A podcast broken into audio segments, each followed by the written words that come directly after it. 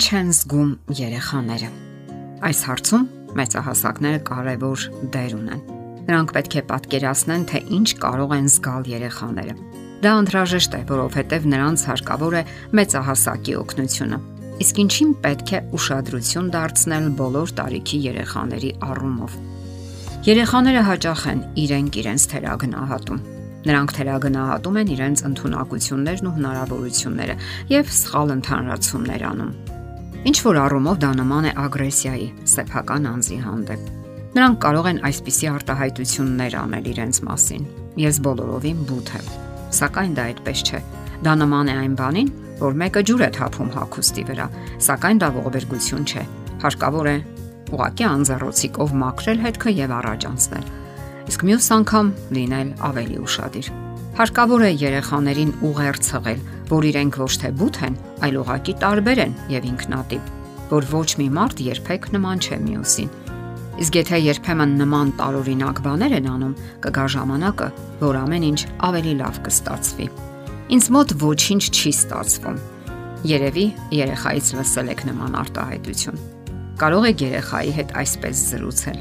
Արի հիշենք, թե երբ է այսինչ բանը վերջին անգամ ավելի լավ ստացվել քեզ մոտ։ Ոչինչ, որ հիմա չի ստացվում։ Դու փորձիր եւ կտեսնես, որ ամեն ինչ լավ կլինի։ Ընդ որում հարկավոր է երեխային հնարավորություն տալ, որ ինքն անձամբ փորձի։ Ամեն ինչում ես եմ մեղավոր։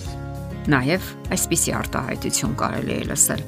Պատերազմներն ու արտակարգ իրավիճակները մեղավորության զգացում են հրահրում թե երեխաների, թե մեծահասակների մեջ։ Երեխաները երբեմն մտածում են, որ եթե աշխարհում ինչ որ բան այնպես չէ, ապա դրա մեջ իրենք հաստատ իրենց բաժին մեղքն ունեն։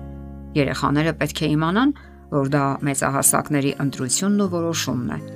Ուղղորդեք երեխաներին որևէ օգտակար ու արգասաբեր գործողության։ Այդ դեպքում կողմնակի մտքերը ավելի քիչ կան հանգստացնեն նրանց։ Նրանք կզբաղվեն ավելի առողջ գործունեությամբ եւ բնականաբար ավելի առողջ մտքեր կծնվեն նրանց մեջ հաճախ են մեծահասակները արտահայտված հույզեր դրսևորում եւ այս կամ այն չափով դժում են երեխաները։ Շատ կարեւոր է երեխաներին པարզաբանել, որ մեծահասակներն էլ սովորական մարդիկ են։ Կարող եք այսպես ասել. Ինձ համար դժվար է։ Ես հոգնել եմ, տխրում եմ, սակայն կարող եմ եւ պետք է հաղթահարեմ։ Իմիջայլոց նման իրավիճակներում դու էլ կարող ես հաղթահարել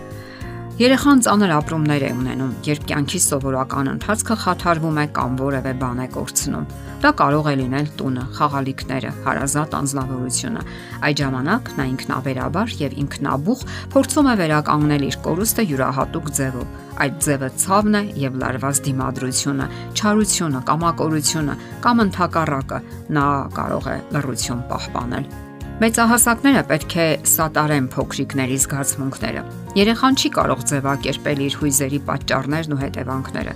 Մեծահասակի դերը նրան օգնելն է։ Դու տխրում ես, դու ձանձրանում ես, դու չարանում ես, ես հասկանում եմ քեզ։ Ստրեսային իրավիճակներում թե մեծահասակների եւ թե երեխաների ճանաչողական գործառույթները թուլանում են։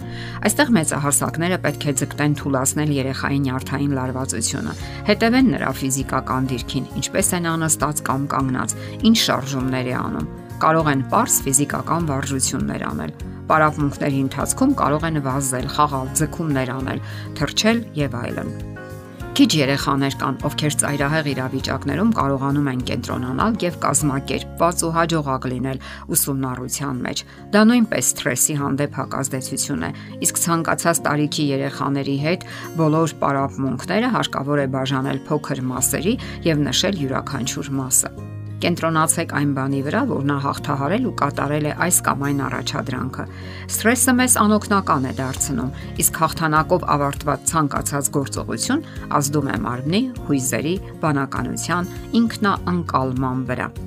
Տնային առաջադրանքները պետք է լինեն ոչ մեծ, իդեալական կերպով կապված կոնկրետ գործողությունների հետ եւ իրատեսական։ Եթե երեխան սովորում է on-line տարբերակով, նոր ուսուցիչների հետ կապված հնարավոր են դիմադրություններ, սակայն դա չի խոսում նրա հնարավորությունների մասին, այլ դժվար հարմարվելու մասին։ Նույնը նոր դպրոց տեղափոխվելու ժամանակ է տեղի ունենում, երբ նոր շփումներից հուզական հոգնածություն է զգում երեխան։ Երեխաները կարող են նաև հոգեբանական հետընթաց ապրել եւ տեղափոխվել ավելի վաղ մանկություն։ Կարող են կակազել, թոթովել, կամակորություններ անել, ինչը բավականաչափ նյարդայնացնում է մեծահասակներին, սակայն դա միանգամայն օրինաչափ երևույթ է եւ նույնպես ուղղված է սթրեսի դեմ կարող եք դարձյալ ֆիզիկական խաղեր խաղալ, շարժվելու հնարավորություն տալ եւ դրանք բուժական ազդեցություն կունենան։ Երեխաների համար սահմանները շատ կարևոր են եւ որքան բարդ է նրանց փորձառությունը, այնքան ավելի կարևոր է իրենց համար։ Եթե երեխան իրեն վատ է պահում, կարող եք ասել. Ես կարեկցում եմ քեզ եւ տեսնում եմ, որ իսկապես վատ է քեզ համար, սակայն չեմ կարող թույլ տալ, որ այդպես վարվես։